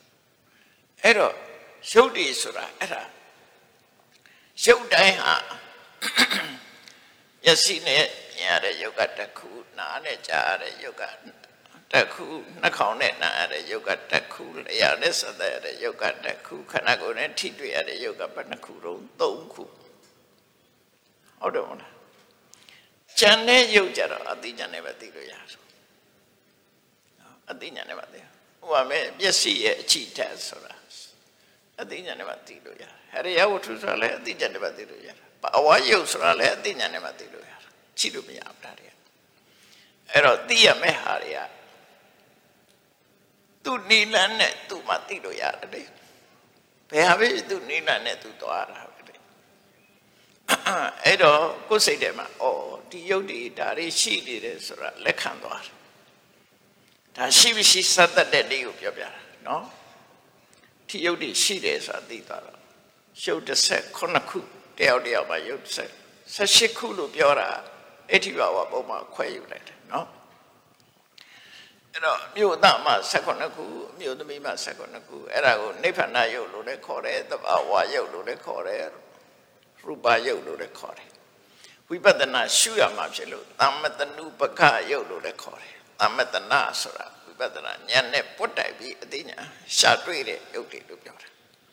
ဉာဏ်နဲ့ယုတ်တွေက ဒီဝိပဿနာရှုရမယ်မဟုတ်ဘူးရှု28ပါးတယ်မှာ28ပါးပဲเนาะအဲ့ဒါသိပြီဒါကိုသင်လိုက်တာသိသွားရောသိသွားတော့နန်းဆိုတာကြတော့ပုံများတယ်အလုံးကြောင့်ဝိရိယ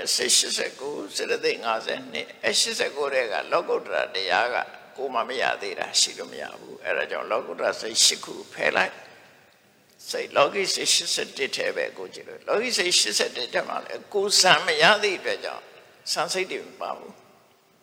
ကိုမှမရှိတဲ့စိတ်မပါဘူးအဲ့တော့ကိုယ်တဏ္ဍမှာဖြစ်တဲ့စိတ်ပဲကိုယ်ကသိလို့ရှိလို့ရတယ်အဲ့တော့ဒိဋ္ဌိဝိတ္တုဖြစ်ဖို့ရအတွက်ပထမရုပ်ကိုဖိုင်တော့လုပ်ရမယ်တွေ့အောင်လုပ်သူဖိုင်တော့တွေ့ပြီတွေ့ပြီတဲ့အခါကျတော့နံပါတ်ကိုရှာကြည့် နန္တရားကိုရှာကြည့်တဲ့အခါမှာသူကရှုတောင်သုံးခုနဲ့နန္တရားကိုတွေ့နိုင်တယ်ဒီလန်သုံးသွယ်နဲ့နန္တရားဆိုတာကိုတွေ့နိုင်တယ်အဲ့ဒီတွေ့ပုံလေးကိုပြပြဒီလန်သုံးသွယ်နဲ့နန္တရားဟာကိုယ်ရင်ထဲမှာပေါ်လာလေဒုတိယပေါ်တဲ့လို့တော့မဟုတ်ဘူးဒီလန်သုံးသွယ်ဆိုတာ ဖတ်တာကနေပြီးတော့တွေ့တာရှိမယ်ဝိရဏကနေတွေ့တာရှိတယ်စိတ်ကနေတွေ့မှရှိတယ်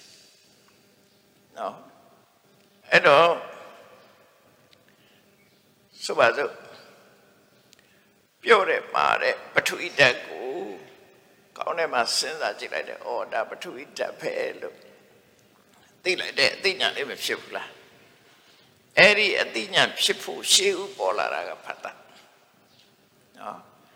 အဲ့ဒီပြော့ခြင်းမှာခြင်းနဲ့စိတ်နဲ့ဆက်သွားတာ contact လို့ခေါ်တယ်ဖတ်တာကို contact လို့ပြန်ဆက်သွယ်ပေးလိုက်တာပဲလေ။လူရဲ့စိတ်နဲ့ခုနကပြောခြင်းမှာခြင်းဆိုတဲ့သဘောလေးနဲ့ဆက်ပေးလိုက်တာဖတ်တာအဲ့တော့ပထမဆုံးနန္တရားအနေနဲ့ရုပ်ကိုကြည့်လိုက်တဲ့အခါမှာပထမဆုံးရှေးဥစွာပေါ်လာတဲ့အနေနဲ့ဖတ်တာကိုသိတယ် အဲ့ဒီဖတ်တာနဲ့တွဲဖက်လာတဲ့ဝေဒနာကိုသိတယ်တွဲဖက်လာတဲ့တင်ညာကိုသိတယ်တွဲဖက်လာတဲ့စေနာကိုသိတယ်အဲ့တော့ဝေဒနာခန္ဓာတင်ညာခန္ဓာသင်္ခါရခန္ဓာဒါဖြစ်သွားတယ်နောက်သူတွဲဖက်လာတဲ့စိတ်ကိုသိတယ်ဆက်ပြီးတော့သိသွားတာသူဖတ်တာဆိုရင်ဖတ်တာတစ်ခုတည်းမဖြစ်ဘူးသူ့ရဲ့အပေါင်းအသင်းတစ်ခါတည်းပါလာတယ်ဖတ်တာဖြစ်တာနဲ့ဝေဒနာဖြစ်တယ်တင်ညာဖြစ်တယ်စိတ်ဖြစ်တယ် အဲ့ဒါတဆူတဲ့လာဖတ်တာဥဆောင်ပြီးတော့ဝင်လာတယ်အဲ့လိုပဲယုတ်ကိုရှားဝေးသိသိတယ်လို့ခေါ်တာပေါ့စားလို့ကြတော့သိသိတယ်ဆိုတာအသိဉာဏ်နဲ့မှတ်ယူတာရှားတွေ့တာနော်ရှားတွေ့တာသိသိတယ်ဆိုတာလူတွေကလည်းအားတော့ပစ္စည်းတွေသိမ်းတာကိုပြောတာမဟုတ်ဘူးဒါအသိဉာဏ်နဲ့ရှားတွေ့တာကိုပြောတာပရိကဟလို့ဆိုပေးမှာတော့ အဲ့တော့ယုတ်တရားကိုရှားလိုက်တဲ့အခါမှာအဲ့ဒီယုတ်တရားဆိုတဲ့အာယုန်နဲ့စိတ်နဲ့တွေ့ပြီးတော့စိတ်ခံစားမှုပေါ်တယ်အဲ့ဒါဝေဒနာအဲ့ဒီစိတ်ခံစားမှုနဲ့ရှင်းတဲ့တင်ညာစိတ်ခံစားမှုနဲ့ရှင်းနေတဲ့ဖတ်တာတော့နော်စိတ်ခံစားမှုဆိုတဲ့စိတ်တို့အဲ့ဒါတွေကတစင်ကြီးပါလာတယ်ဒါတော့ဆက်ဆက်ပြီးသိဖို့ကိုပြောပြတာနော် ဆက်ဆက်ပြီးသိဖို့အဲတခုတည်းပြောမယ်ဆိုလို့ရှိရင်ရှုံးဒီအာယုန်တစ်ခုပူလိုက်တာနဲ့တပြိုင်နက်အာယုန်နဲ့စိတ်နဲ့ဆက်သက်သွားတာဒါဖတ်တာပဲဆိုတဲ့သဘောပေါက်ပါတယ်ဖတ်တာရဲ့သဘောကိုသိကြလို့ရှိရင်လူတယောက်ရှေ့မှာစီဝတီတစ်လုံးလောက်ဝါပြပေါ့မဖြစ်တယ်ကျန်တဲ့လူတွေသေရုပ်ကုန် နော်လမ်းပြပစင်နာခြေကန်ချိပါဆိုတာချွန်တက်တာကိုခြေကန်ကြောက်တယ်လေဟိုးတိုင်းပြင်းကြီးကိုတက်ပြီးပတ်တရက်နဲ့အောက်ကလူကထူတုံအဲ့ဒါဖတ်တာရဲ့သဘောပဲစိတ်ထိခိုက်ပါတယ်သဘောအဲ့ဒီဖတ်တာဆိုတာအာယုန်နဲ့ထိတွေ့မှုဝေဒနာဆိုတာခံစားမှုနောက်နော်စိတ်ဆိုတာဖတ်တာဆိုတဲ့အာယုန်တယ်မောရုပ်ဆိုတဲ့အာယုန်ကိုရယူမှုဝိညာဉ် အဲ့တော့ပထမဆုံးနန္တရားရှိတယ်ဆိုတာဖတ်တာအနေဖတ်တာကိုကြည့်လိုက်ရင်ထင်ရှားတယ်ထင်ရှားဆုံးဟာတစ်ခုပဲကန်လိုက်တာပေါ့နော်ဖတ်တာဖြစ်တာနဲ့ဉာဏ်တွေအကုန်ဖြစ်တယ်ဖတ်တာကိုတွေ့မယ်စိတ်ခံစားမှုကိုတွေ့မယ်အာယုံကိုသိတဲ့ဝိညာဉ်ကိုတွေ့မယ်အဲ့ဒါရုပ်ကနေပြီးတော့နာမ်ကိုရှာဖွေတဲ့ဤပဲစာပေကျမ်းမှာလို့ပြောအဲ့တော့ပထမရုပ်ကိုတွေ့အောင်ကြည့် ကြည့်ပြီးရင်ရုပ်ကနေတခါနာမ်ကိုတွေ့အောင်ရှာအဲ့ဒါဝိပဿနာဉာဏ်တိဆောက်နေတော့အဲ့ဒီတွေ့တဲ့ယုတ်နံသည်သဗ္ဗေဓမ္မနာလံပိဋိဝေဒယငါဟာလည်းမဟုတ်ဘူးငါလည်းမဟုတ်ဘူးတဘာဝတရားတသက်များသာဖြစ်တယ်အဲ့ဒီအတွေ့ရှိဖို့လိုတယ်နော်ယုတ်နံသည်ယုတ်နံတသက်သာဖြစ်တယ်ငါလည်းမဟုတ်ဘူးငါလည်းမဟုတ်ဘူးဘာဖြစ်လို့တော့ငါထင်တဲ့အတိုင်းတစ်ခုမှမဖြစ်လို့ အဲ့တော့ယုတ်နဲ့တွေ့ပြီးနာနဲ့တွေ့ပြီးဆိုတဲ့အခါမှာယုတ်ကြောင့်လည်းပဲတရားထုတ်တဲ့ကမှတွေ့တယ်နာကြောင့်လည်းတွေ့တယ်အဲ့ဒီသိတဲ့သိလိုက်တာတွေကိုသိတာကိုညာတပရိညာလို့ခေါ်တယ်အဲ့ပရိညာခွဲတဲ့နေရာမှာလည်းပဲနော်လွယ်လွယ်မမပြောထားတာလေးတွေကိုမမှတ်ကြဘူးစာနဲ့ပိနဲ့အညီပဲမှတ်ကြဖို့ဒါဘယ်သူမှအပြစ်ပြောလို့အောင်ဘယ် သူမှပြောလို့အောင်ဘယ်သူမှပြောတာမဟုတ်ဘူးစာရဲကိုသိဖို့ရပြောပြတာနော်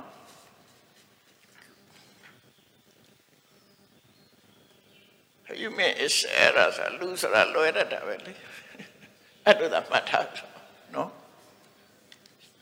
လူဆိုတာလွယ်တတ်တာအဲ့တော့အဓိကကဘာသိရမလဲဆိုရင်လွယ်မှာပြီးတော့ပြောနေတတ်ကြတဲ့ဟာလေးတစ်ခုက ပရိညာနဲ့ပတ်သက်တဲ့ဟာလေးပတ်သက်ပြီးတော့လွယ်မှာပြီးပြောနေတတ်ကြတယ်အဲ့ဒီလွယ်မှာပြီးတော့ပြောနေတာလေးကိုပြန်ပြီးတော့တဲ့ဖို့လိုတယ်အင်းပါလေးတွေကိုပြောပြမယ်ပစ္စတလက္ခဏာတန်လက္ခဏာဝတိနာပဝုဒ္ဓပညာယတာပရိညာနာမှာပစ္စတလက္ခဏာဆိုတာရှုံးမှာပဲဖြစ်ဖြစ်နာမှာပဲဖြစ်ဖြစ်ကိုယ်ပိုင်လက္ခဏာလေးတွေရှိတယ်ဖတ်တာဆိုရင်ထိတွေ့တယ် ဝေဒနာဆိုရင်ခံစားတယ်စိတ်ဆိုရင်အာယုံကိုသိတယ်အဲ့ဒါကိုယ်ပိုင်လက္ခဏာလေးတွေ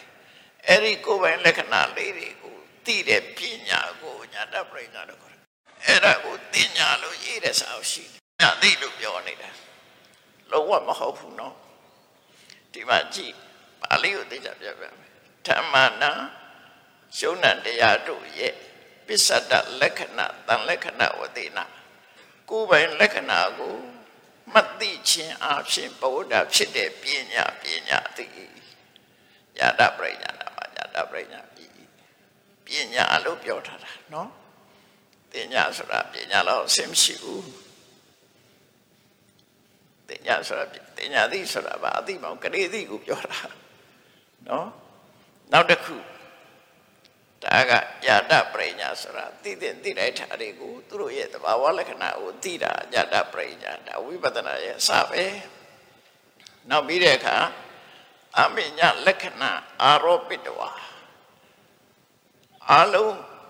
သက်ဆိုင်တဲ့လက္ခဏာဆိုတာသဘာဝတရားအလုံးသိမမြဲလို့အနိစ္စဒုက္ခမဟုတ်လို့ဒုက္ခအတ္တမဟုတ်လို့အနတ္တ အဲ့ဒီအနိစ္စဒုက္ခအနတ္တကိုတမညာလက္ခဏာလို့ခေါ်တာဟုတ်တမညာတောင်ပြောတာမဟုတ်ဘူးเนาะပညာဆိုအလုံးတူတဲ့လက္ခဏာ universal characteristic လို့ခေါ်တယ် universal အလုံးပဲတရားကြည့်ကြည့်ဒီလက္ခဏာရှိတယ်အဲ့ဒီအနိစ္စဒုက္ခအနတ္တဆိုတဲ့အလုံးဆိုင်လက္ခဏာပေါ်မှာ တင်ပြီးတော့ဝိပဿနာဉာဏ်ဖြစ်လာပြီဆိုရင်တိရဏပရိညာတဲ့အဲ့ဒီမှာလည်းပဲဝိပဿနာပညာတိရဏပရိညာနာမှာတယ်ဝိပပဿနာပညာအဲ့ကြမှာဝိပဿနာပါတယ်နော်ညာတပရိညာတို့ကဝိပဿနာမဟုတ်သေးဘူးအဲ့ဆိုလို့ရှင်သမန်ပညာလို့ပြောတယ်အဲ့ဒီတိရဏပရိညာကြတော့ဝိပဿနာပညာတိရဏပရိညာနာမလို့နောက်တစ်ခုက ပဟာနာပရိညာအဲ့ဒီရှုမှတ်ထားတဲ့တရားတွေကိုပဲလွဲမှားတဲ့ရဲတယ်လို့ထင်တဲ့မှားတဲ့အမြင်ချမ်းသာတယ်လို့ထင်တဲ့ဒုက္ခပညာကိုလုံးတဲ့အတိုင်းဖြစ်တယ်လို့ဆိုတဲ့အတ္တပညာအဲ့ဒီအလွဲအမှားတွေပျောက်သွားပြီးတော့ဖြစ်ပေါ်လာတဲ့အ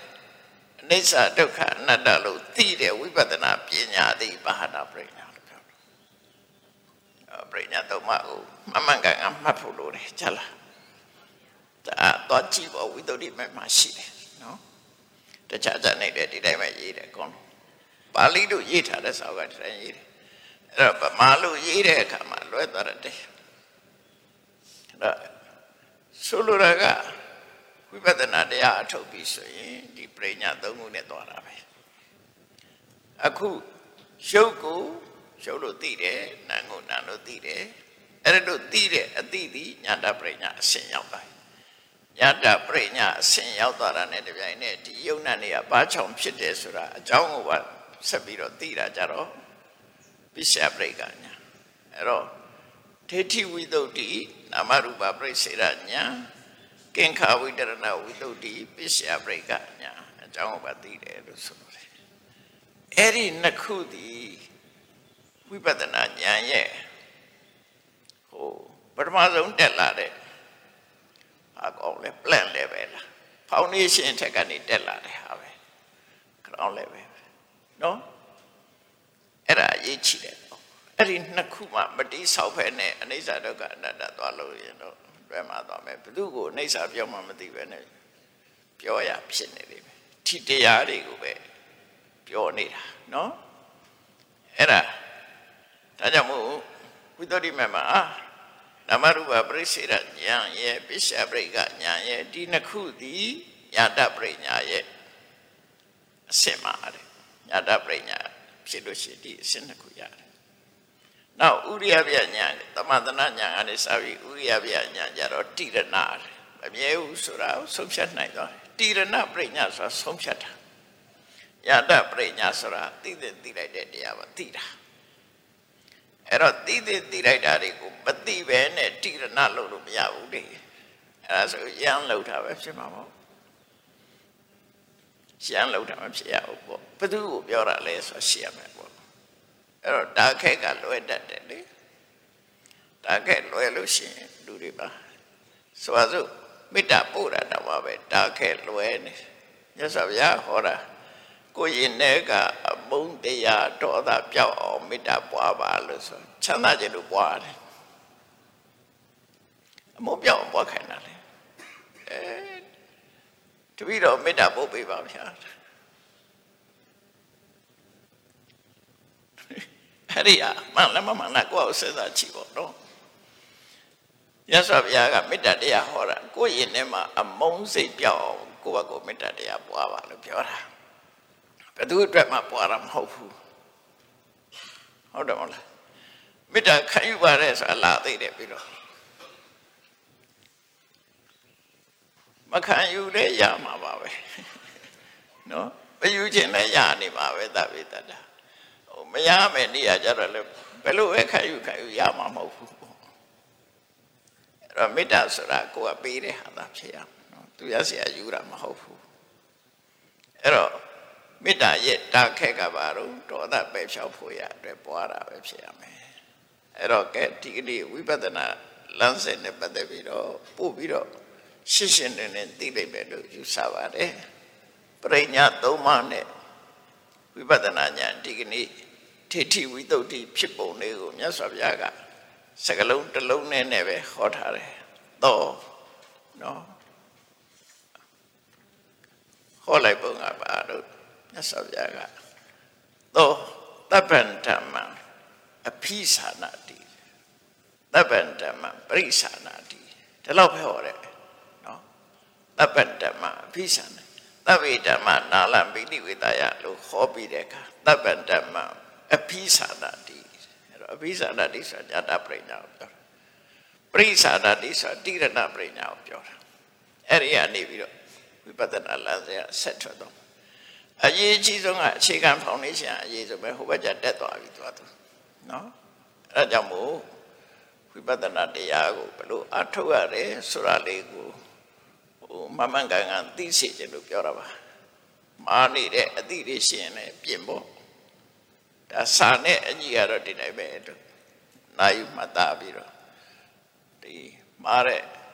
ကိုယ်လည်းမှားခြင်းမှားမှာပဲသူရလည်းမှားတာမှားတာမှားတာမှားမှန်သိဖို့ပဲအထီးကရေးချင်တယ်အပြစ်တင်ဖို့လည်းမဟုတ်ဘူးပြောဆိုလည်းမဟုတ်ဘူးเนาะအမှားကိုမသိပဲနဲ့အမှန်တရားသိအောင်ကျင့်ကြံကြိုးကိုပွားများအထောက်နိုင်ကြပါစေကုန်သတည်း